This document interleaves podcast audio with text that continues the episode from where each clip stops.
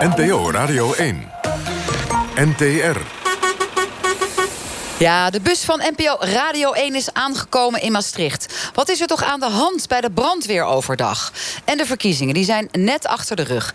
Krijgen vrouwen in Nederland dit keer ook echt de kans om te gaan meebesturen? Nu loopt rustig over straat en trapt prongelijk weer in die gore hondenpoep. Een bron van irritatie. Hoe pakken we asociale hondenbezitters nou eens stevig aan? Zeker nu de hondenbelasting in heel veel gemeenten wordt afgeschaft. Vanuit Limburg is dit het debatprogramma Kwestie Kwesties. met Marianne van den Anker. Elke zondag reis ik in deze knalgele bus van NPO Radio 1 weer naar een andere provincie. Om vooral met inwoners te gaan praten over wat hen aan het hart gaat. Welkom allemaal hier in de bus van NPO Radio 1. Straks verschillende inwoners uit Maastricht die geen studenten meer willen in hun straat. Hoezo niet? Studenten zijn toch gezellig, zou je zeggen? nou, dat, eh, dat, dat gaat meteen al goed los. We gaan eerst een, een, aantal andere kwesties bespreken. Deze week werd bekend dat steeds meer gemeenten besluiten om de hondenbelasting af te schaffen. Zo'n 30 extra gemeenten hebben dat de afgelopen periode gedaan. Want het zou te moeilijk innen zijn, moeilijk te controleren of iemand een hond heeft. En die controleurs zijn ook nog eens een keertje duur. De hondenbelasting is er trouwens om de overlast te bestrijden van de asociale hondenbezitters, zou je denken. Erik Koppen, u bent oud, oud uh, statenlid, oud-wethouder, oud-gedeputeerde... maar in hart en nieren een liberaal. Ja, dat is helemaal correct. Herkenbaar, die overlast met hondenpoep? Ja, die is denk ik voor iedereen herkenbaar. En uh, vooral de speelveldjes van de kinderen natuurlijk... is dat uh, een hele grote ergernis. Heb je zelf wel, iets, uh, wel eens iets vervelends meegemaakt aangaande hondenpoep? Ik heb, het, ik heb wel eens hondenpoep in de brievenbus gehad. Nou ja. Maar dat is wat anders. Hoezo? Ja, ik denk vanwege de verkiezingen. Oh, dus dat had niets te maken met dat iemand dacht... ik heb geen zakje, ik pak gewoon de bus van Erik. Ja, zo is dat. Weet je ook nog waar, waarvoor dat was? Dat je die toch een soort bedreiging? Nee, want je, ja, goed, je neemt standpunten en over allerlei onderwerpen. Dus uh, dat weet je nooit precies eenmalig gebeurd. Ja. Maar wel vervelend. Ja. Maduro, je bent student, vierdejaars geneeskunde, dol op hardlopen. Heb jij wel eens iets vervelends meegemaakt aangaande hondenpoep, kak, drolle shit? Ja, zeker. Dat is een, ja, vooral, voornamelijk op zaterdag. Dan ga je eventjes toch uh, wat uh, wandelen in de, in de dorp of in de buurt aan de mensen. En ja, daar liggen ze dan weer. Of alle mensen die je heel lief proberen te aan te kijken... met een zakje aan een riem van een hond. En um, de hond poept. En ze lopen door. Dus ik vraag me af ook hoe lang zit die zakje al aan die riem. Want spreek jij ze aan, die mensen? Um, soms wel en soms niet. En dan heb ik zoiets van, nou, daar heb je weer één. Heb je een toverzin? Welke werkt lekker?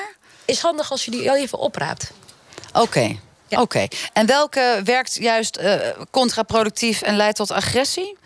Uh, meestal heb ik geen, uh, krijg ik geen uh. Nee, nee. Mensen, eenmaal je ze aanspreekt, dan denk ik dat ze het ook. Ja, het is een beetje. Um, gênant, denk ik, dat iemand je aanspreekt om toch de hondenpoep op te rapen. Dus dan blijven ze stil en rapen ze het wel op. Dus dat, dat ja. Oud-gedeputeerde van de SP, Marleen van Rijnsbergen. U zit ook in deze bus, welkom. Um, mijn oude burgemeester met wie ik een college voerde, Ivo Opstelte, die zei altijd: als het over hondenpoep gaat, dan is het echt helemaal goed geregeld in de stad, want dan zijn alle andere problemen opgelost. Denk jij er ook zo over, Marleen? Uh, ja en nee. Ja, natuurlijk. Ik bedoel, um, op de schaal van heel veel problemen is het natuurlijk een klein probleem. Alleen, uh, en ik ben het uh, met de vorige spreekster eens... Um, het is natuurlijk wel een reëel probleem... als je s ochtends fijn um, je aan hebt gekleed, mooie schoenen aan hebt getrokken... Je, je, doet, je loopt het tuinpaadje af en je staat weer in zo'n grote bruine jongen. en dan wordt het toch wel een heel groot probleem. Dan hadden we daar vroeger in Nederland op heel veel plekken hondenbelasting voor. En dan zou de gemeente er ook voor zorgen dat die troep dan wordt opgeruimd en tegelijkertijd is er in Nederland natuurlijk ook iets gaande van zakjes. Jij zei het al, Sherelle. Dan moet je het zelf opruimen. Wat vinden jullie, moet die hondenbelasting worden afgeschaft? Dat is een beetje de trend die wordt gevolgd. Er is hier ook een petitie. Erik Koppen? Ja, afschaffen. Ik denk overal afschaffen. Uh, het is uh, ooit bedoeld als een doelbelasting. En dat betekent dat je iets doet voor de hondenliefhebbers en voor de hondenpoephaters. He, voor het ene moet je uh, hondenuitlaatplaatsen aanleggen... en de ander moet je gewoon strikt handhaven. Lik op stuk. Maar dat werd natuurlijk ook wel door een aantal gemeenten gezegd... die nu die hondenbelasting afschaffen. Uh, het is veel te duur om er allemaal boa's voor aan uh, te stellen. Dat... Zowel het controleren of iemand een hond heeft... als het aanspreken op u hebt uw rotzooi uh, laten liggen. Ja goed, dat is, dat is dan een, meer een uitvoeringsprobleem. Maar waar het toch echt om gaat... is dat het wordt gebruikt, die inkomsten, als algemeen belastingmiddel... En dat is toch schrikbarend hoog als je dat ziet in gemeentelijke begrotingen. Dus ik, ik vind dat dat argument vind ik niet echt sterk. Hmm. Is er iemand uh, die wel de hondenbelasting wil blijven handhaven? Die het een slechte trend vindt dat die belasting wordt afgeschaft, afgeschaft op zoveel plekken? Ik vind dat het wel, uh, ja, wel behouden moet worden. Uh, met de manier waarop het gebruikt wordt, dat kan men eigenlijk betwisten. En dan kan je een andere aanvulling aangeven. Dat je zegt inderdaad, dan leg je meer parkjes aan voor honden. waar gewoon die honden dus daar gewoon rond kunnen lopen. Maar ik denk zeer zeker wel dat het, als het op een goede manier gebruikt wordt, dat het wel toegevoegde waarde heeft. En dat uh, bijvoorbeeld de mensen die er echt een, een hekel aan hebben... van om in die drol toch terecht te komen... dat het wat voor hun doen. Maar ook voor de bezitters van de hond zelf. Als je ziet waar het... Als je, ik denk dat niemand probleem heeft om belasting te betalen... als je ziet van, hé... Hey, het, het is ook niet zo heel veel, hè? Het ja, is ongeveer gemiddeld 75 euro per jaar, per beest. Dan vind ik dat het prima te doen is. En als je zegt van, goh, nou, ik ben een hondenliefhebber... en ik heb helaas niet het vermogen om het te betalen we hebben hier in Nederland we hebben een prachtige stelsel... die uitzonderingen voor iedereen kan maken, voor alles en nog wat. Maar dus pakkans is knetterlaag. Hè? Ik ken een aantal hondenzitters die zeggen... joh, ze komen toch nooit controleren, dus ik ga niet melden dat ik een hond heb. En jij kijkt bedenkelijk. Wie hier in de bus heeft een hond? Ja, ik. Ja? En? Ja. Ja, ik betaal Marleen van belasting natuurlijk. Iets minder dan die 75 Vanwege euro. je publieke functie dat je gewoon geen gesodemieter wil? Nee, ook al uh, van tevoren. Kijk, het, ja, weet je, het is ingesteld, het is zo. En wat ik ook van die hondenbelasting vind... vind overigens dat die best afgeschaft kan worden. Um, Waarom wil je dat die afgeschaft kan worden? Maar als die er is, ja, dat, weet je, dan betaal ik hem ook. Um, waarom die afgeschaft kan worden? Ja, weet je, hondenpoep en hondenoverlast is één. Uh, we hadden het net al over problemen. Ik vind zwerfvuil ook een probleem. Uh, ik, ik, vind um, heel veel dingen een probleem. Daar heffen we ook niet allemaal belastingen op. Ik denk dat we dat gewoon uh, anders moeten bekijken. Het helpt niet um, om uh, hondenpoep op te ruimen. Ik bedoel, het feit dat ik um, de belasting betaal... vrijwaart mij niet van het opruimen van de hondenpoep. Dus ik heb netjes zakjes en die heb ik er niet alleen aanhangen. Ik ruim ze ook netjes op. Um, een Spreek jij wel eens ook... asociale hondeneigenaren aan? Want ik weet dat ja. al die hondenmensen kennen elkaar allemaal. Dus je moet op een gegeven moment ook zien dat... hè, matties van jou ja. gewoon de zooi niet opruimen. Nou ja, of het allemaal matties zijn, weet ik niet. Maar goed, dat is een andere discussie. Goeie zin, dat wilde ik net zeggen. Goeie zin is, hé, hey, uw hond heeft iets laten vallen. Um, dat zeg ik ook regelmatig. Omdat, ja, weet je, het, het moet ook echt gewoon netjes opgeruimd ja. worden. Nou hebben we heel veel asociale hondenbezitters. Hè? Want anders dan heb je dus niet die ergernis dat je uh, uitglijdt over de kak. Dat je kinderen eronder zitten. Ja. Pandora, jij woont in een flat, vertelde je net. Hebben jullie wel eens last van hondenpoep voor de deur? Nou, niet echt. Maar wel met um, studentenpoep. Oh ja, dat is oh, het onderwerp voor je, waarvoor jij en je moeder naartoe zijn gekomen. Hè? Overlast ja. van studenten. Dat is veel erger dan overlast van hondenpoep. Echt waar, studentenpoep in het trappenhuis. Ja. Oh, menselijke poep? Ja. Menselijke poep? Ja. Omdat ze, maar hoezo dan? Gewoon, ik denk dat het was een grapje tussen de ene student naar de andere. Oh, heftig. Ja. Chris uh, uh, Meijs, jij bent van Buurtbalans. Bent hier in principe ook aangeschoven om het te hebben over studenten... en hoe dat die uh, de stad hier uh, verrijken of niet. Maar omdat jullie een combinatie zijn van het Buurtbalans... van heel veel buurtplatforms... hoe zit dat nou met die hondenoverlast... die asociale hondenbezitters? Ja, dat is een onderwerp bij ons niet als ja, collectief voor inzetten. We hebben echt gefocust op een aantal speerpunten waar we ons wel op uh, wel handhaven. Maar deze dus niet. Maar, maar in de breedte inderdaad handhaving kan ik wel van zeggen hier in de stad. Dat we vinden uh, dat dat echt een stuk meer kan. Dat handhaving pakkans laag? Ja, pakkans is heel erg laag. Uh, wat wij ook horen bijvoorbeeld als mensen met de handhavers spreken van ja, vandaag dan doen we alleen afvalzakken. Doen we dus geen geparkeerde fietsen die de weg blokkeren voor bijvoorbeeld gehandicapte medebewoners. Andere dag doen ze dus wel de fietsen, maar niet de afvalzakken. Die dag is het weer, uh, doen ze iets aan geluid. En dat zal met de hondenpoep net zo zijn. We hebben hier twee uh, oud-gedeputeerders. Die zijn dan van de provinciale regering. Marleen van Rijnsberg en Erik Koppen. Um, ik kan me voorstellen, de provincie is niet van het beleid van honden en hondenpoep opruimen. Het speelt op heel veel plekken in Nederland. Grote irritatie. Wat is jullie idee als oud-bestuurders om toch die asociale hondenbezitters aan te pakken? Nou, ik denk uh, om te beginnen uh, de pakkans verhogen, maar ook de boetes. Kijk, als je een boete krijgt van 500 euro... Voor één per drol? Per drol, gewoon 500 euro. Je moet dat voor ze aanpakken. Maar dat geldt voor alle rotzooi die op straat komt als zwerfvuil. Als je ziet dat iemand de deur van zijn auto open doet... en een sigarettenbakje leegmaakt of wat dan ook naar buiten gooit. Er zijn landen in de wereld waar de boetes nog hoger zijn...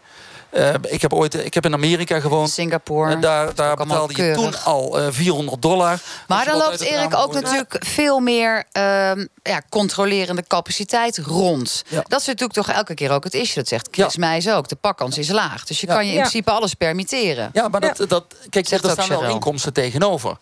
En als je, de, als je de, de boetes hoog genoeg maakt, ja, dan hoef je maar twee boetes uit te delen. Dan heb je je salaris al voor de, voor de halve maand verdiend. Ja, maar we kunnen alle boetes bijvoorbeeld verhogen. Maar als ze niet gecontroleerd worden, inderdaad, de pakkans is klein. En um, echt met alle respect, maar ik heb in, in mijn buurt geen één keer iemand zien controleren. Letterlijk en figuurlijk geen één keer. En moet het dan misschien maar over de schutting van de samenleving worden gegooid? Dat we onderling elkaar erop gaan aanspreken? Of vind je het een taak van de overheid? Um, ik denk dat als het aanspreken, onderling van elkaar aanspreken zou werken... dat er bijvoorbeeld bij mij in de buurt geen uh, drollen meer zou, zouden zitten. Ik denk dat iedereen wel ooit eens iemand heeft aangesproken. Maar blijkbaar werkt dat niet goed genoeg.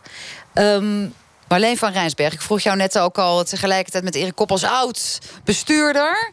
Hoe kunnen we die asociale hondenbezitters, die dus gewoon hun troep niet opruimen, toch de goede kant op weten te bewegen? Nou ja, je zei net, moeten we het over de schutting van de samenleving gooien. Ik denk juist dat dit ook iets is wat in de samenleving speelt. En uh, dat wil zeggen dat je het gezamenlijk op moet pakken. En dat je um, als hondenbezitter, maar ook als uh, wandelaar, hardloper... Uh, best mensen aan kan spreken op dat gedrag. Ik denk ook dat dat gewoon netjes is. Denk je dat als je de hondenbelasting afschaft... Hè, want er gaan nu steeds meer gemeenten toe over... 30 net recent weer die hondenbelasting afgeschaft. Er is hier een petitie gaande voor Limburg. Die is inmiddels al 8000 keer ondertekend om de hondenbelasting af te schaffen. Dan heb je niet, zoals Erik al zei, inkomsten om controleurs op te zetten. Nee, Hoe ga je het dan oplossen? Ja, dat is dus exact mijn punt. Het moet natuurlijk wel ergens vandaan komen. En je kunt boetes verhogen, je kunt de pakkans, um, daar, daar kun je het over hebben. Ik, het wordt me niet helemaal duidelijk hoe dat dan gebeurt.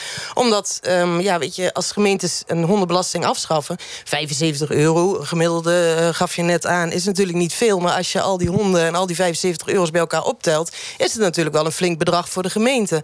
Als je dan ook nog vraagt om de pakkans te verhogen... door meer boa's aan te nemen of de prioriteiten te verschuiven... ik weet niet hoe je dat precies moet...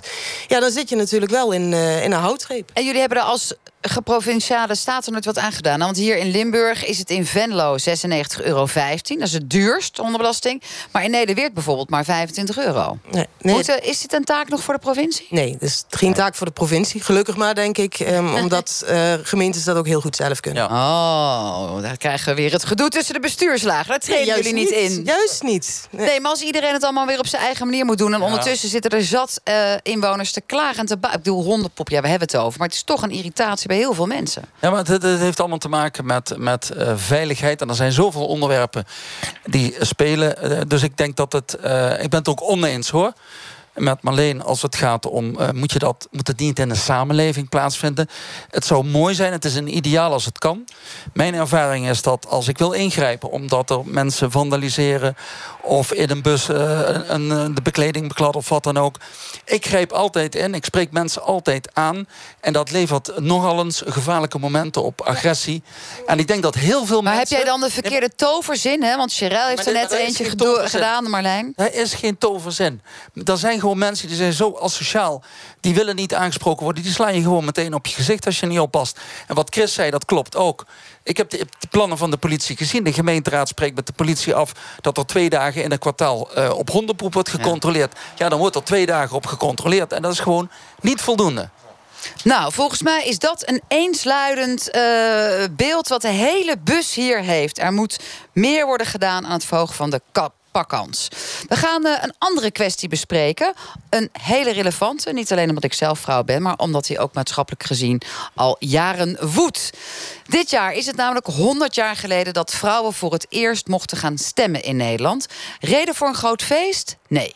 Vanuit, de Nederlandse, uh, vanuit het Nederlandse Vrouwencomité van de Verenigde Naties is er een duidelijke oproep gedaan de afgelopen periode. Zeker hier in Limburg, geldt overigens ook in Flevoland.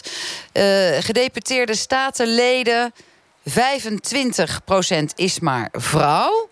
En dan heb je ook nog de bestuurders. Hier in Limburg, nou, dat is alleen maar man, man, man, man, man. En dan ook nog eens een keer blank en wit. Theo, Ger, Joost, Hans, Erik, Hubert en de secretaris heet Guido. Het is om je kapot te schamen. nou, en we hebben aan de telefoon Marije Cornelis, directeur van United Nations Women Nederland. Goedenavond, Marije. Goedenavond. U dacht daarom maar een petitie starten. Hadden we het net ook al over, over de hondenbelasting, maar deze gaat over... Uh, 50% vrouwen in de uh, gedeputeerde staten in Nederland. Oké, en dan we hebben natuurlijk net de verkiezingen achter de rug. Dus we hebben even voor de luisteraar mensen die nu gekozen zijn. Dat gaat niet goed, maar dan hebben we ook nog zeg maar, het, het, de regering van de provincie. Wat zijn uw ambities daar? Ja, nou ja, in de provinciale staten, dus de mensen die gekozen zijn... was het percentage al onder de 30 procent. En dat uh, zal zo blijven in de komende periode. Uh, daar valt helaas niks meer aan te doen. Maar uh, de vorming van het provinciaal bestuur, dus de gedeputeerde staten... vindt nu plaats. En um, ja, daarin is 25 procent uh, vrouw. Dat is echt uh, heel beschamend. Zeker ten opzichte van uh, landen om ons heen. Um, dus met de petitie willen wij formateurs in heel Nederland oproepen... om aandacht te besteden aan meer vrouwen in het provinciaal bestuur. Ja, nou, petities en oproepen en briefjes schrijven en zo... dat is allemaal hartstikke vrolijk, maar we zitten hier al jaren tegenaan te worstelen. U hebt officieel geen mandaat. Nee, dat klopt. Uh, nee, op zich uh, um, zou er natuurlijk veel meer uh, actie moeten komen vanuit de regering. op zijn minst zou ehm, minister Ollongren al moeten vragen... dat er voor iedere commissaris van de koningpositie... minstens twee kandidaten waarvan van één vrouw wordt aangeboden. op dit moment hebben we maar één vrouwelijke commissaris van de koning. Um, en ja, ze Jetta moeten gewoon eigenlijk... Ja, Jette Kleinsma in Drenthe. We hadden er bijna twee, maar toen werd, werd Anne Bijleveld ineens minister van Defensie. Um, uh, ja, en eigenlijk werkt uiteindelijk uh, alleen maar een, uh, een quotum. we hoopten zo'n tien jaar geleden nog dat het vanzelf goed zou komen. Maar sindsdien is het percentage vrouwen in de Nederlandse politiek alleen maar gedaald in plaats van gestegen. En het komt dus niet vanzelf goed als we partijen niet dwingen om de traditionele structuren waarmee kandidaten gekozen worden te doorbreken. Um, en zolang we geen quotum hebben, moeten we het gewoon beleefd vragen aan de formateurs. Dus vandaar de petitie. Heel goed. Nou ja, wordt volop gesteund, denk ik, in deze bus. Maar misschien ook niet. Dat ga ik zo direct met hen bespreken. Nog één laatste vraag aan u. Limburg nul bestuurders. En Flevoland is ook echt zeer dun bezaaid met het aantal vrouwelijke gedeputeerden. Hebt u een verklaring waarom het hier in Limburg, waar wij staan met de bus in Maastricht, zo ongelooflijk slecht gesteld is met de vrouwelijke vertegenwoordiging als gedeputeerde? Ja, ja, Limburg is wel een van de ergste. Want uh, zowel in de eh, laatste periode als in die daarvoor... zat er geen enkele vrouw in de oh, gedeputeerde staten. Dus vanaf 2011. Ehm, nou, we hebben en, Marleen eh, van Rijnsberg hier, hè? die was dat het. Is heel goed. Dat is heel goed. Eh, J. Marleen, zou ik willen zeggen. En ga er, ga er Dankjewel. voor. maar eh, ja, en in de Provinciale Staten staat Limburg ook heel erg onderaan... met maar 22% in de afgelopen periode. Ja, maar hoe komt dat? Want die beschrijving hebben we. Heb je een verklaring? Zijn ze hier zo ouderwets? Is het een achtergebleven gebied? Ja, wat ik denk eigenlijk is dat uh, Limburg nog meer dan andere provincies hangt aan tradities. De commissaris van de Koning heet er ook niet de uh, commissaris van de Koning, maar de gouverneur. In de Provinciale Staten heet het Limburgs parlement. En er is natuurlijk helemaal niks mis met tradities. Maar wel als ze mensen buitensluiten. Dus als een traditionele groep machthebbers, zoals ze dat altijd al doen... met een traditionele selectieprocedure kiezen uit een traditionele vijver van mensen... Snel een beetje doorontwikkelen dus, dus hier in Limburg. Hm? Snel een beetje doorontwikkelen hier in Limburg. Nou, eens wat verder kijken, zeg maar. Want er loopt ongetwijfeld heel veel talent rond in Limburg. En uh, Marleen, Marleen van Rijsbergen die kan vast uh, wel, wel tien geweldige vrouwen... die zo gedeputeerde kunnen worden in Limburg noemen. En, uh, nou, ja, dat gaan we haar vragen, Marije. Marije Cornelis, zeer veel dank voor iedereen die wil tekenen. Mannen mogen tekenen, vrouwen mogen tekenen. Die kunnen terecht, terecht bij jullie op de website. United Nations ja. Women Nederland. Dankjewel, Marije Cornelis. Blijf luisteren. Graag gedaan. Marleen van Rijsberg, we hoorden je nou net al... Uh, je hebt al een aantal keren uh, een soort toespeling gekregen. Vraag het aan Marleen, want zij was wel gedeputeerde. Ja, dat klopt. Uh, jij was wel een unicum. Ehm, in de geschiedenis van Limburg was ik de vierde vrouwelijke gedeputeerde. Ik heb ook eens een keer de, de mannelijke gedeputeerde opgeteld. Dan kom je ergens boven de 100 uit. Nou, zeiden we net al uh, een beetje ingeschoten door mij... alsof het hier in Limburg een achterlijk gebied is, een achtergebleven. Maar ja, ik zie hier in de bus dat ik dat eigenlijk beter niet had kunnen zeggen. Voor je het weet heb je daar weer gedoe mee. Maar kun je verklaren waarom het in Limburg zo laag is, dat aantal vrouwen? Ja, dan zou ik er een slag naar moeten slaan. Ik, um, ik denk zeker niet dat Limburg een achtergebleven gebied is. Um, uh, en ik denk ook, uh, gezien het aantal vrouwelijke burgemeesters... wat we de afgelopen periode hebben gekregen... Uh, een verdienste trouwens ook van onze gouverneur... die echt ook gouverneur heet. En een vrouwelijke burgemeester dat, dat die ook, positie dat... inneemt. Hè? Is een stevige ja. tante. Ja. Um, maar ja, goed, we hebben, we hebben een hoop vrouwelijke burgemeesters uh, erbij gekregen. Uh, dus waar een wil is, is een weg, zie je hier wel. En als, uh, als je er, er echt voor inzet, dan is dat ook mogelijk. Vind je het ik overigens dat... erg dat er zo weinig vrouwen zijn? Ja, ik vind het heel erg. Waarom? Um, omdat je um, van een bestuur mag verwachten, zeker van een openbaar bestuur, dat het een, een afspiegeling is. Dat je je erin kunt herkennen. Dat, um, uh, dat je ziet dat daar ja, gewoon een doorsnee van de samenleving zit. Uh, en dat zie je natuurlijk niet als ik daar die pakken in het gouvernement bekijk. Hoe aardig dat ik al die mannen ook vind. Hmm. Actie, wat jou betreft ook door middel van een quotum, zoals Marije Cornelissen suggereerde? Ja, ik had nooit gedacht dat ik dat nog eens zou zeggen. Een aantal jaar geleden was ik moordelijk tegen. Um, totdat ik me realiseerde, ja, weet je... Uh, al zolang als ik me kan herinneren, kletsen wij over een quotum. En zijn er allerlei redenen om het niet te willen. En wordt er gezegd, ja, het gaat vooral om kwaliteit. Het gaat vooral om... Maar er gebeurt vervolgens helemaal niks. Het wordt eigenlijk alleen maar erger. Um, en, uh, Heb je daar een verklaring voor? Want je wilde net natuurlijk geen slag slaan naar het feit... Eh, of dat het Limburg een achtergebleven gebied is. Maar je hebt vast wel een idee over hoe, hoe het komt... dat er toch uiteindelijk zo weinig vrouwen weten door te dringen... tot die provinciale macht. Ja, ik denk dat het gewoon ook iets in, in, in de cultuur zit van een, uh, van een bestuurslaag. En ik denk dat het um, uh, vooral heel normaal gevonden wordt hier... Uh, dat, dat er gewoon heel veel mannen zijn. Ik zeg wel eens gekscherend, als er een heel college met mannen is... staat dat niet in de krant. Zou je een heel college van vrouwen hebben... ja, weet je, dan, dan, dan gaat de telegraaf in, in chocoladeletters koppen. Want dat is natuurlijk nog nooit... Maar is hier ook niet dat er een groep vrouwen op staat... en die zegt, jij bent de vierde in lijn, hè? Dat was vorig jaar 2018 ben je afgezwaaid. Dat, van, dat, is toch, dat, dat, dat kan toch niet? Ja, zeker is die groep, groep vrouwen er wel. Um, we hebben hier een maatschappelijke organisatie in Limburg, FAM, het FAM-netwerk, die daar heel hard voor strijdt. Um, um, maar goed, het zou heel goed zijn als zij een stuntje in de rug krijgen. En als wij gewoon als samenleving, uh, en dat zal inderdaad ook van de regering uit moeten gaan, nu gewoon eens gaan zeggen dat quotum komt er. Niet alleen om af te dwingen dat die posities ingevuld worden, maar ook om aan vrouwen te zeggen van kom op jongens, het is belangrijk dat jullie daar gaan zitten. En wij vinden dat met z'n allen belangrijk.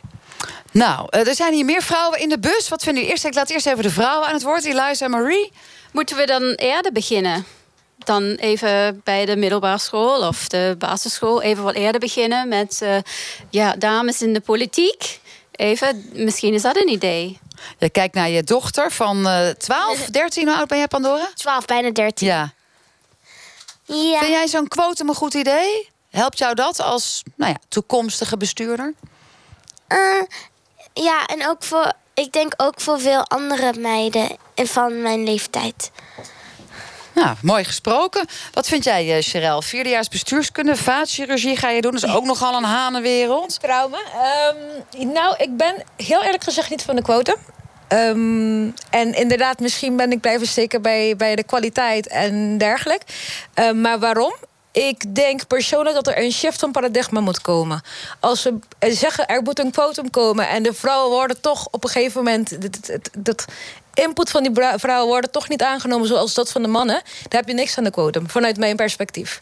Dus ik denk dat je die shift van de paradigma eerst moet bereiken. Dus dat mensen moeten inzien van hé, hey, het feit dat ik een vrouw erbij heb, is niet alleen maar leuk omdat het een vrouw is, dus 50-50 is leuk. Nee, maar het is gewoon een feit dat bij lobbyen van bepaalde dingen vrouwen gewoon ervoor zorgen dat er gewoon die lobby gewoon ja, gewoon heel wat vrediger loopt en heel wat beter. Nou ken ik wel een aantal vrouwen, ik wil jou niet beïnvloeden hoor. Die vroeger, ik ben zelf ook wethouder emancipatie geweest, allemaal zeiden we doen niet een quotum, want dat is te afdwingerig. En dan krijgen we hè, binnen de vrouwenwereld ook weer gedoe over. We willen nooit op een plek komen vanwege positieve discriminatie.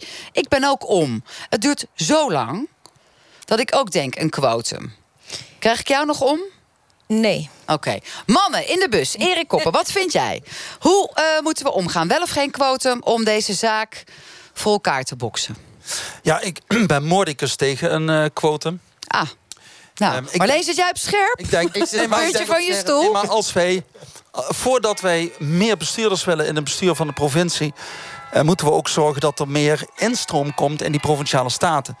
En wat je ziet, en dat zagen wij in 2005, hebben we, eh, is er landelijk hebben een onderzoek laten doen naar wat het werk inhoudt van provinciale statenleden en gedeputeerden. Vervolgens hebben we gekeken hoe zit het met die rechtspositie. Die was toen 16 jaar oud. Die voldeed totaal niet meer aan de tijd. Met name vrouwen kwamen er heel slecht af. Er was niets geregeld voor kinderopvang. Juist. Eh, Er was niets geregeld in toen ik. Toen ik Ja, ja, ja. eh, Oké, maar je bent niet voor een quotum. Wat dan wel? Want je bepleit de ik vind dat vrouwenzaak die wel. rechtspositie van statenleden moet verbeteren. Dan wordt het ook interessanter. Dan kun je ook sturen en zorgen dat andere groepen in de samenleving, of het nou ondernemers, of het nou vrouwen of jongeren zijn, dat het interessanter wordt om deel te nemen aan die politiek. En daarmee krijg je automatisch ook aanwas, waaruit je vervolgens weer hele goede gedeputeerden kunt hebben als En even, stel dat we jouw plan volgen. Met welk tempo hebben we dan in plaats van Ja, maar eh, is- Marleen eh, een van de vier en dan nu is 0, 0, 0? En er is niets gedeeld. Eh, Vanaf 2005, toen de nieuwe rechtspositie statenleden bij het kabinet toen is neergelegd, hebben alle kabinetten het opzij gelegd. Omdat ze in tijden van crisis, waar iedereen moest bezuinigen, vonden dat ze dat niet konden verkopen. Alleen daarmee zijn ze voorbij gegaan aan iets wat fundamenteel was in die nieuwe rechtspositie. Namelijk juist de positie van iedereen die niet in die afspiegeling. Dan heb die zelf ook als gedeputeerde eh, je, je zetel gehad, hè? Met een Ja. eh, hoop mannen rondom Ja. je heen. Zijn nou nooit eens tegen elkaar, we moeten ons kapot schamen en we gaan gewoon er nu voor zorgen dat er een Ja. vrouw gewoon wordt benoemd? En daar, daarom ben ik het er ook niet mee eens. Als er, als er wordt gedaan alsof vrouwen geweerd worden, daar is helemaal geen sprake van. Marleen, hij is tegen een quotum en nul moet hier in Limburg uit de geschiedenisboeken. Ja. Ja, ik, ik, word, ehm, ik word daar een beetje verdrietig van. En ik zal je ook vertellen waarom. Ik hoor Erik zeggen, als we de rechtspositie gaan regelen... dan komt er automatisch ook wel... Ik geloof daar niet in. Dit is nu al ehm, de derde provinciale verkiezing op rij... dat ik weer op radio zit te vertellen hoe het er zit met die vrouwen. En eh, dat er eh, zo weinig vrouwen zijn. Die vraag wordt mij ook vaak gesteld. eh, er is een tekort aan vrouwen. Ik zeg ook altijd, er is een overschot aan mannen. De vraag is hoe we die wegkrijgen. Ehm, en ik denk ook dat dat de cultuur moet gaan zijn... Vervolgens ehm, eh, ook voor de derde keer weer een, een, eh, een interview over... ja, en hoe moet dat nou dadelijk in het bestuur? Nou, daar geef ik weer mijn mening over. Eh, de eerste keer was ik tegen een quotum. De tweede keer heb ik daar wel eens over nagedacht. Misschien is het toch wel handig. En ik ben om. Het, het moet nu echt gaan gebeuren. Zou jij, als je dit verhaal van Marleen hoort, waar ook een soort passie in doorklinkt, zou het dan niet gepast zijn als jij hier zo direct de deur uitwandelt en zegt: Ik ga toch voor het quotum? Want Marle- Marleen is ook gedeputeerde geweest. Zij zegt dat we het nu moeten doen. Geloof haar nou eens op haar woord. Nee, maar ik ben, blij, ben en blijf moordicus tegen dat quotum. Ik ben wel voor veel meer vrouwen in de politiek. En ik vind het waardevol. En een belangrijke reden waarom ik het waardevol vind... ze zeggen wel eens, mannen komen van Mars, vrouwen komen van Venus. Maar het is wel zo dat vrouwen op een andere manier naar onderwerpen kijken... dan mannen vaak. En daardoor krijg je een betere balans in, in je besluitvorming... in provinciale staten, in je beleid. Dat is een reden te meer om een quotum in te voeren, Nee, dat is denk geen ik reden zo. om een quotum in te voeren. Nee, nee dat moet, die passie moet komen vanuit die vrouw. Maar die vrouwen moeten ook gestimuleerd worden. Er zijn allerlei manieren Nou, om vrouwen te stimuleren. Heel, van- heel eerlijk gezegd, oké. als, Cheryl als, als, student zijnde, als... ehm, ja, ik, ik, zit, of, ja, ik wil trouwens worden, dus ook gewoon pure mannenwereld. Hè? Dus politiek, mannenwereld. Nou, ik, leef het ook, ik maak het ook elke dag opnieuw mee. Ehm, ik denk dat men zich moet beseffen dat het niet meer is van deze tijd eigenlijk om zo uitvoerig te hebben over ben ik man of vrouw. We moeten gewoon zeggen, ben je in staat om die werkzaamheden uit te voeren? Geef die persoon ook een kans. En daarom, het is niet zo dat ik stellig tegen een quotum ben. Maar ik ben meer van, ehm, hou eens even op om naar te kijken naar het geslacht. Onze het generatie... klinkt allemaal heel, mo- heel modern hè? En, en heel eh, goed. Maar we hebben hier een artikel van de Volkskrant... waarbij ook weer een topvrouw zegt... ehm, het gaat niet snel genoeg. Eh, we hadden natuurlijk eh 9 maart, was Emancipatiedag. En alle vrouwen zeggen inmiddels het schiet niet op. Ik snap het. Tony wil zich ermee bemoeien. Ik, eh, ik kijk even op het artikel in de Volkskrant. Ik, ik eh, heb het ook gelezen. Een, eh, een vrouwelijke advocaat van Baker McKenzie. Een van de grootste advocatenkantoren Ja. in de wereld. En dat was... Hoeveel moeite zij heeft moeten doen om partner te worden. Zij, zij werd pas geaccepteerd als partner toen zij naar een, naar een concurrent ging en daar ook het partnerschap kon krijgen. En toen is het teruggehaald. Maar dat lijkt me eerst, eerst illustratief voor de mannenwereld, hè, die, die, die de grote advocatenwereld is. Maar ook, ook, dat geldt ook in andere, andere geledingen. Daarvoor ben ik voor een quotum. Ja, maar Net zoals zij. die, eh, men- die mentaliteit, dat is het probleem.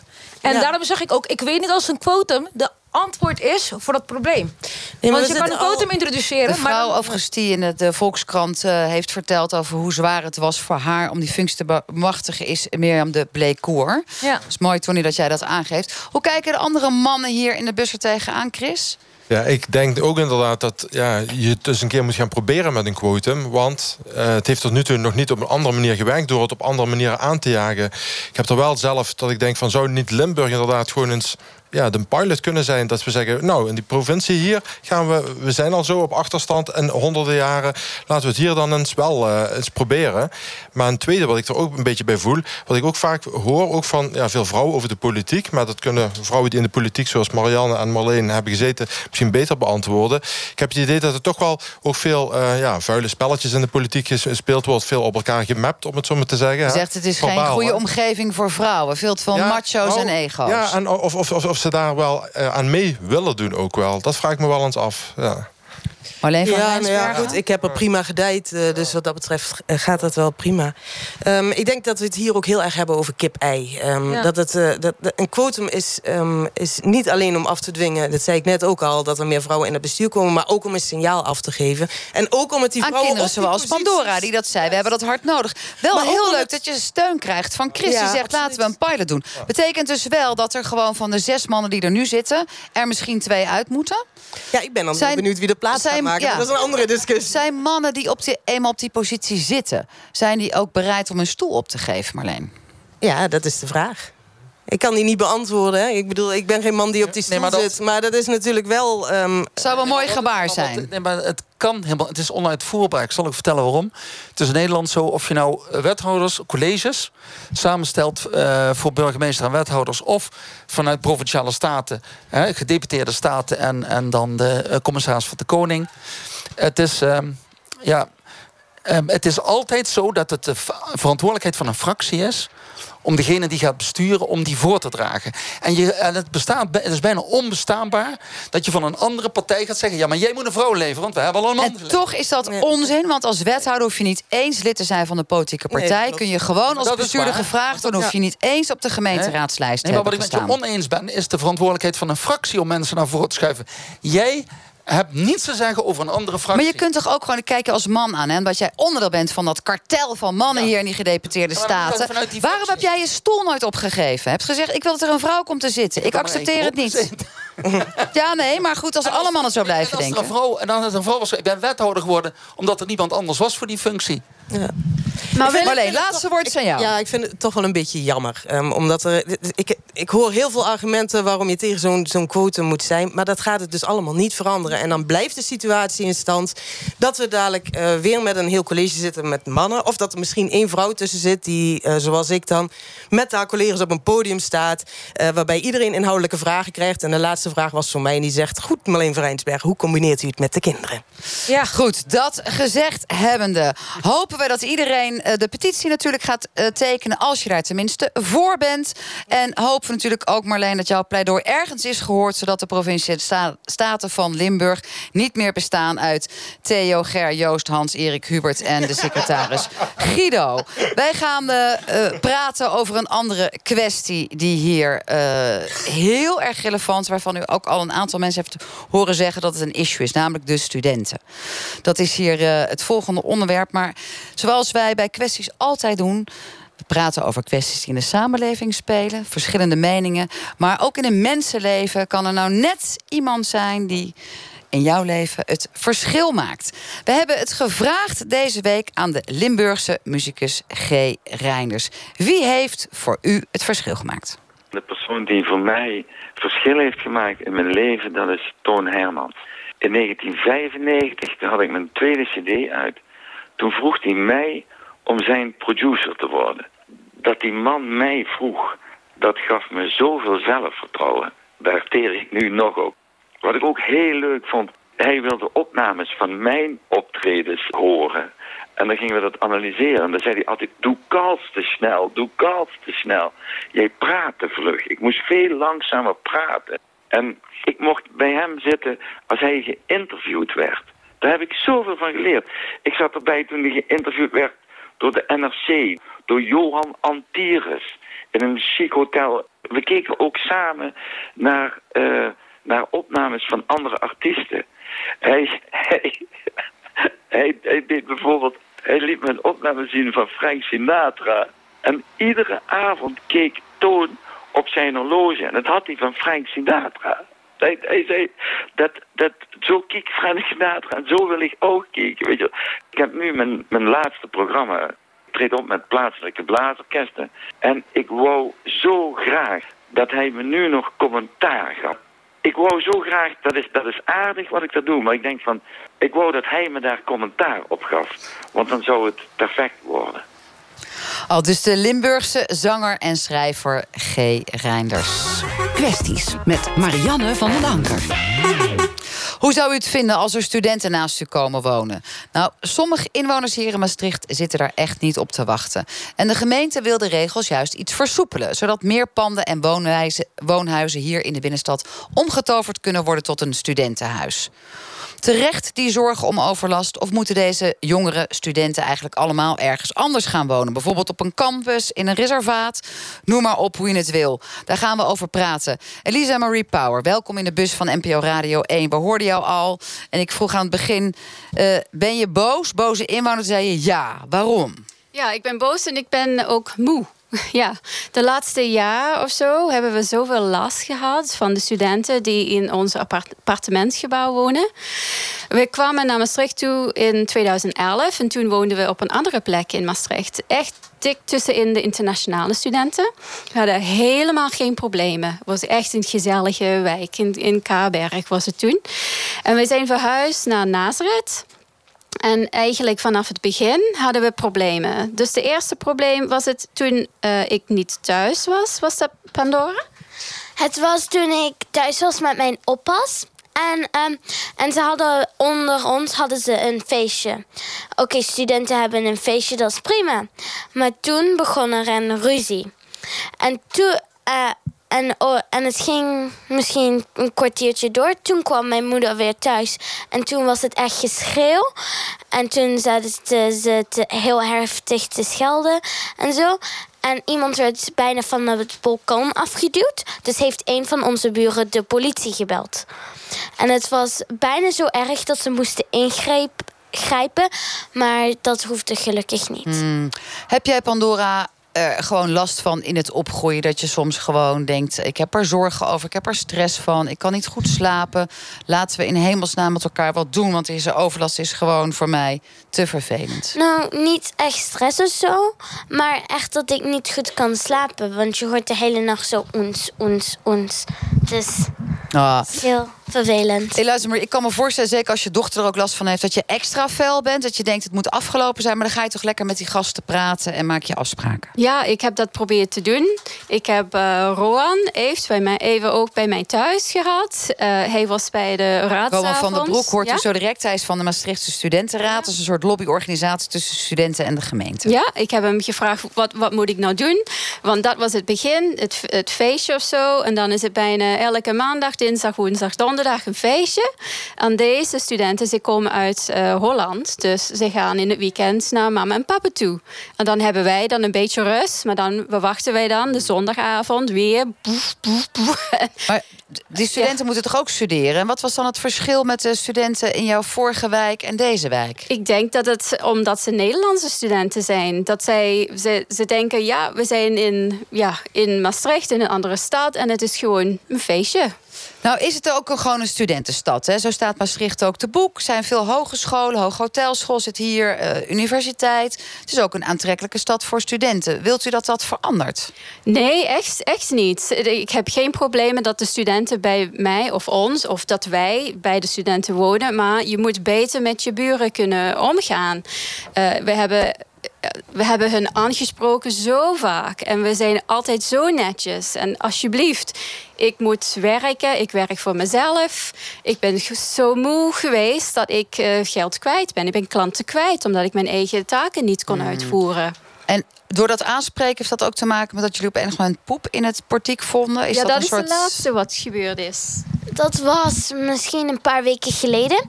En het was misschien kwart voor acht. En ik ging uh, naar onder, want uh, school begint om tien over acht. En ik ging naar beneden. En in de hal stonk het heel erg. Dus ik ging naar beneden.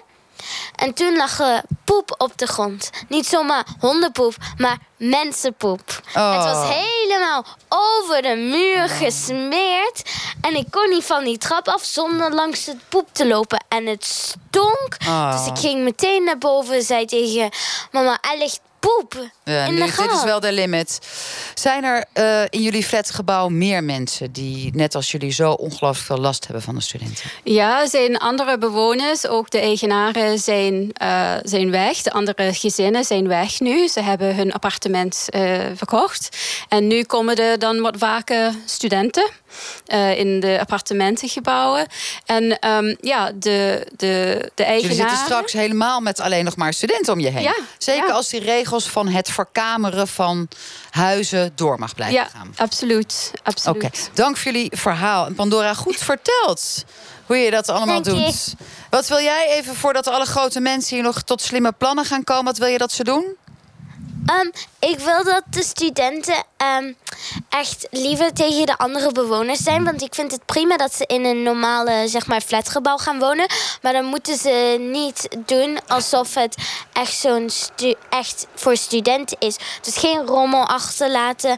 Ge uh, niet, uh, ze doen een beetje alsof ze alleen op de wereld zijn. Ja. Hmm. En ze moeten zorgen dat ze met samen op de wereld zijn. Ook met jou. We gaan het erover hebben, onder andere met Chris Meijs van de Stichting Buurtbalans. We hoorden hier net al een heel mooi warm pleidooi houden voor een quota voor vrouwen bij de provinciale staten. Supergoed. Maar ja, wat is jouw standpunt vanuit Buurtbalans? Ik zei het uh, aan het begin van de uitzending: een combinatie van heel veel bewonersplatforms, wat een unicum is in Nederland. Dus jullie zijn echt een belangrijke stakeholder, ook in het gesprek met de gemeente Maastricht. Wat vinden jullie dat er moet gebeuren? Oh, want hier is wel heel wat aan de hand. Het, verhaal wat net verteld wordt, dat is een verhaal van wat we al zo vaak gehoord hebben, ook van heel veel andere buurten. Want in Maastricht is het volgende aan de hand. Uh, Maastricht heeft jarenlang het op zijn beloop eigenlijk gelaten. En eigenlijk alle particuliere panden maar laten verkameren. We zijn daar landelijk koploper mee. En op dit moment is het zelfs zo dat één op de drie woningen in Maastricht zonder hypotheek verkocht wordt allemaal aan beleggers die daar heel veel geld mee verdienen. Uh, maar de kosten weer op de maatschappij uh, vaak afwimpelen. En ook de sociale lasten, zal ik het even noemen. Uh, ja, Maastricht, wij willen eigenlijk graag dat het veel meer ja, campusconstructies worden. Omdat we al zoveel... Stop ze in een reservaat, zeg jij Nee, dat niet. Nee, want wij, wij proberen ook heel goed, en dat doen we ook samen te werken vanuit al die verschillende buurten. Ik woon zelf voor in Limmel, ben ik ook voorzitter van de buurtraad. Maar dit onderwerp, dat was zo groot en daar liepen we steeds uh, verder tegenaan. Zijn we met allerlei andere buurten gaan samenwerken... omdat het anders gewoon niet op te lossen was. Want er is een enorm machtige lobby van de huizenbezitters... die zich samen hebben verenigd in een uh, vereniging van 400 particuliere uh, verhuurders... Ja, die hier gewoon de, de, aantasting zien. En het gaat al lang niet meer om de particuliere verhuurder... die bijvoorbeeld vroeger een slagerij had... en hiermee zijn pensioen bekostigt. Wij kennen allemaal situaties van mensen die tot in Schotland... het eigendom hebben, die in Cuba wonen... dus die ook totaal niet aanspreekbaar zijn. En buurtbalans. Ik kan me voorstellen dat jullie het woord balans niet voor niks hebben uitgekozen. Ja. Proef ik daar toch uit dat jullie wel een samenleving zouden willen met studenten en gewone bewoners in één en dezelfde stad? Ja, juist. Wij, hebben het dan ook steeds niet over studentenoverlast bijvoorbeeld, maar het gaat altijd over kamergewijze verhuur, wat de problematiek met zich meebrengt. Want door kamergewijze verhuur krijg je gewoon veel meer mensen op een kluitje in een pand, hè, waardoor eigenlijk al heel snel meer overlast kan ontstaan. Dat heeft ook de hoogste rechter bijvoorbeeld in dit land al meerdere keren bevestigd in uitspraken van de Raad van State. Dat door uh, inderdaad kamergewijze verhuur dat uh, ja, Wat willen jullie bewerkstelligen? Bij de gemeenteraad? Uh, wij uh, willen inderdaad een, een, een, ja, zoveel mogelijk als het kan... een halt op nog verdere verkamering in alle buurten. Daartoe is een paar jaar geleden door de, ook de huidige wethouder... wat er zit, uh, gelukkig een percentage, een maximum per straat ingesteld. We, hebben, we vliegen het ook echt per straat aan. Want andere ja, gemeenten in den landen... die zeggen gewoon soms hele buurten op slot. mag geen enkele nieuwe kamervuur in. Voor in Eindhoven is dat het geval. In Roermond weet ik. maar ook in andere... In, Helder, dus jullie willen ja. tegen die verkamering... en zorgen dat er wellicht ook een campus komt. Dan hebben ja. we vanuit de studenten een soort van vertegenwoordiger. Rowan van der Broek. Jij... Hè? Jij bent uh, uh, nou, vooruitgeschoven post. Jullie hebben vanuit deze Maastrichtse studentenraad... een soort lobbyorganisatie en een gespreksorgaan tussen de gemeenten. Ja. Um, als je dit zo hoort, ja, dan lijkt het wel alsof dat die studenten... hun eigen visitekaartje volledig aan het verpesten zijn hier in Maastricht. Um, nou, ik denk in de algemene zin en bij de meeste studenten niet. Maar wat ik allereerst wel eens aan zou willen geven... dat is, ik ben inderdaad bij, uh, bij Elisa thuis geweest... en we hebben het ook gehad over de situatie zoals die zich daarvoor deed. En het feit dat die studenten die daar zitten... zich nu nog steeds niet gedragen... nog steeds niet basale fatsoen kennen om hun eigen troep op te ruimen en andere mensen niet lastig te vallen, daar zit het probleem dan ook in. Maar wie moet ze dan aanspreken? Want ik heb hier een artikel voor me liggen. Er is een centraal meldpunt opgericht voor overlast van studenten. De burgemeester zegt erin: we hebben een pilot gedaan, schiet nog niet echt op. Het is een zaak van lange adem. Uh, buurtbalans is opgericht uit nood met z'n allen. Dus het, het lukt maar niet om snel die overlast op te pakken. Nee, inderdaad. En ik denk dat het probleem daar centraal ook zit in een gebrek aan handhavingscapaciteit. En een gebrek Heer, aan handhavingscapaciteit die geplaatst wordt op het aanpakken van woonoverlast, zoals ik het dan persoonlijk liever noem. Uh, ik denk dat daar het grootste probleem in zit en daarin moet worden geïnvesteerd. Maar wat absoluut niet een oplossing is voor ons, dat is om een groep, specifiek een groep, omdat er een paar raddraaiers tussen zitten, in allerlei vormen in je huisvestingsbeleid als stad te benadelen. Maar zijn er dan hotspots van bekende huizen of bekende studentenverenigingen waar het altijd hommeles is? Want dan lijkt het me makkelijker zoeken, opsporen en uh, boetes, boetes uitdelen. Uh, nou, die zullen er vast bij de gemeente zijn. We hebben als studentenraad geen specifieke lijsten. Wat we ook zien, dat is dat heel veel studentenverenigingen in Maastricht... zich zeer zeker inzetten om het contact met de buurt te verbeteren. Er zijn veel verenigingen die hele strenge buurtbeleiden hanteren. Juist al met hun leden. Dus ik weet niet of je het daarin kunt vinden. Sta je daarachter dat er een soort belasting komt per straat of buurt... van nou, uh, 20% studenten of 10% en niet meer? Dat is wat mij betreft de verkeerde aanpak. Omdat je daarmee eigenlijk stelt op het moment dat er een aantal studenten is... is het feit dat zij student zijn, of het feit dat ze dichter op elkaar wonen... per definitie al iets wat boven een bepaald percentage leidt tot overlast. En daar ben ik in principe tegen. ja, ik wil nog even, één voordat, voordat jij... We hebben nog weinig tijd, maar ik wil heel graag nog even een student... die er mij keurig uitziet. Vierdejaars uh, geneeskunde bezig om ook traumachirurg uh, te worden. Ja, ik neem aan dat jij niet voor overlast zorgt, niet in partieken poept, dat jouw medestudenten dat ook niet doen, dat je niet s'nachts met allerlei dronken. Nee, nee, totaal niet. Um, erger nog, ik woon zelf in ook zo'n gemengde flatgebouw. En ik heb een buurman die daar 35 jaar woont. En ik ben student en ik woon hier in Maastricht voor een aantal jaar. En in principe heb ik geen overlast van mijn buren niet. En zij ook niet van mij. En er wonen meerdere studenten. Ik denk dat het afhankelijk is van inderdaad... wat voor soort groepstudent je eigenlijk op dat moment daar hebt. Want je gaf zelf ook aan internationale studenten... daar had je minder last van. Ja. En ook wat ze aan het studeren zijn. En als ze samenkomen wat je gaat krijgen. Het is voor mij heel simpel als ik uh, overdracht heb en ik om zeven uur bij wijze van het ziekenhuis moet zijn... Ik, om drie uur, vier uur s ochtends kan ik echt geen herrie aan het schoppen zijn. Want anders kan ik s ochtends gewoon daar niet zijn. Helder. We hebben de politiek uh, gevraagd om ook te reageren. De verantwoordelijk wethouder hier vanuit Maastricht... die was er heel graag bij geweest, lukte niet. Maar gelukkig heeft ze ons wel door de telefoon willen vertellen... wat haar plannen zijn om de studentenoverlast tegen te gaan.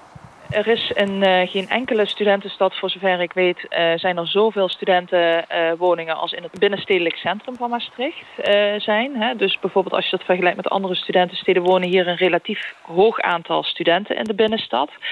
Uh, maar het beperkt zich niet alleen tot de binnenstad. Uh, we hebben, de, stad is ook een beetje een campus, zeggen we wel eens. De Maastrichtse Studentenraad geeft aan dat er ook veel studenten zijn... die graag in uh, kleinschalige panden willen wonen. Dat kan. Hè. 75% van het aanbod uiteindelijk in 2024 zal nog steeds kleinschalig zijn. En 25 procent, een kwart, zal in grootschalige huisvesting terecht kunnen. Die ook nog eens betaalbaar is, want daar proberen wij heel erg op te sturen. Uh, ook qua omvang, qua verdeling, qua locaties wordt dat ook allemaal met de Universiteit uh, Maastricht besproken. En um, ja, dat is natuurlijk een uh, belangrijk partner voor ons om, om ook goed naar te luisteren wat zij denken dat de studenten nodig hebben. En nou ja, ook mede op basis van hun input is deze programmering tot stand gekomen. Maar dus ook van bewoners, ook van de studentenraad. We hebben met iedereen gesproken en ja, alle belangen uiteindelijk gewogen.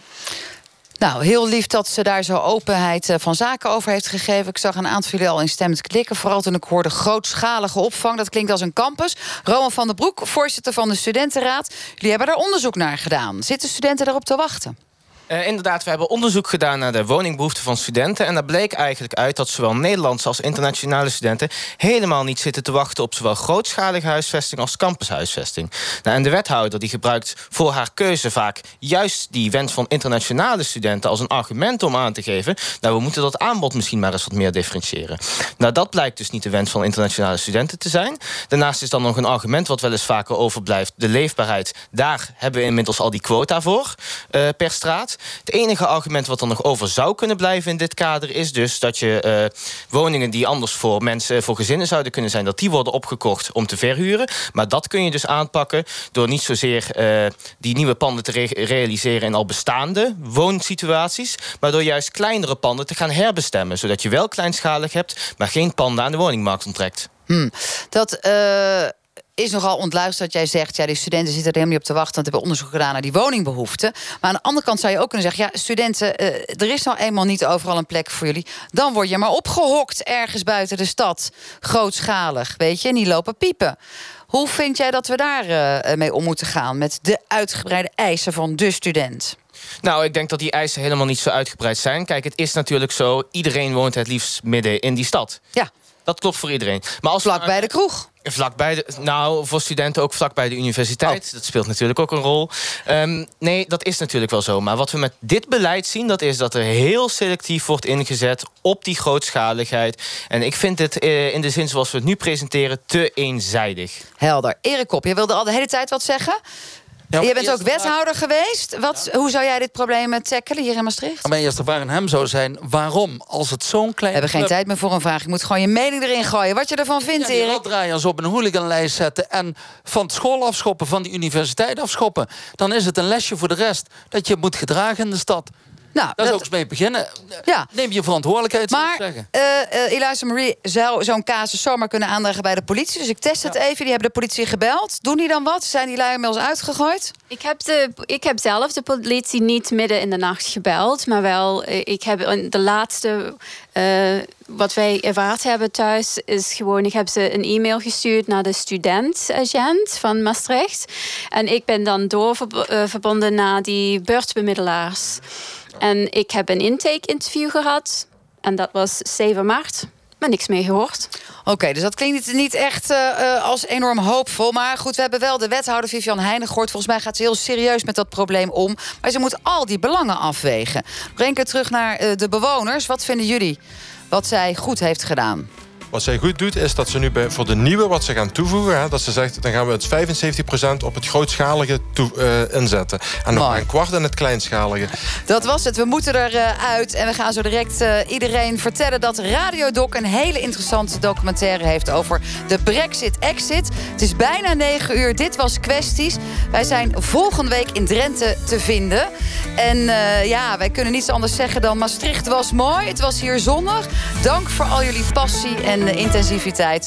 Tot NPO volgende week. Een fijne avond. U wilt elke acht minuten een trein laten rijden. De staatssecretaris zegt elke tien minuten. Elke ochtend tussen half twaalf en twaalf. Wat je dan doet, is een politieke ambitie die ga je scherper stellen. Sven Kokkelman met één op één. Dus de staatssecretaris heeft een ambitie die niet scherp genoeg is. Eén gast. Dat mensen nu in actie komen, dat er nu geld vrij wordt gemaakt... dat er ja. nu plannen komen. Eén interviewer. Er is helemaal geen geld voor uw plannen. Nou, ja. En alle vragen die gesteld moeten worden. Dat gaat bij u altijd zo. Als het de ene kant op gaat, dan, dan gaat ja. de andere kant op. Elke werkdag van half twaalf tot twaalf. We moeten praten. Van harte welkom bij Eén op één. Op NPO Radio 1. Het nieuws van alle kanten.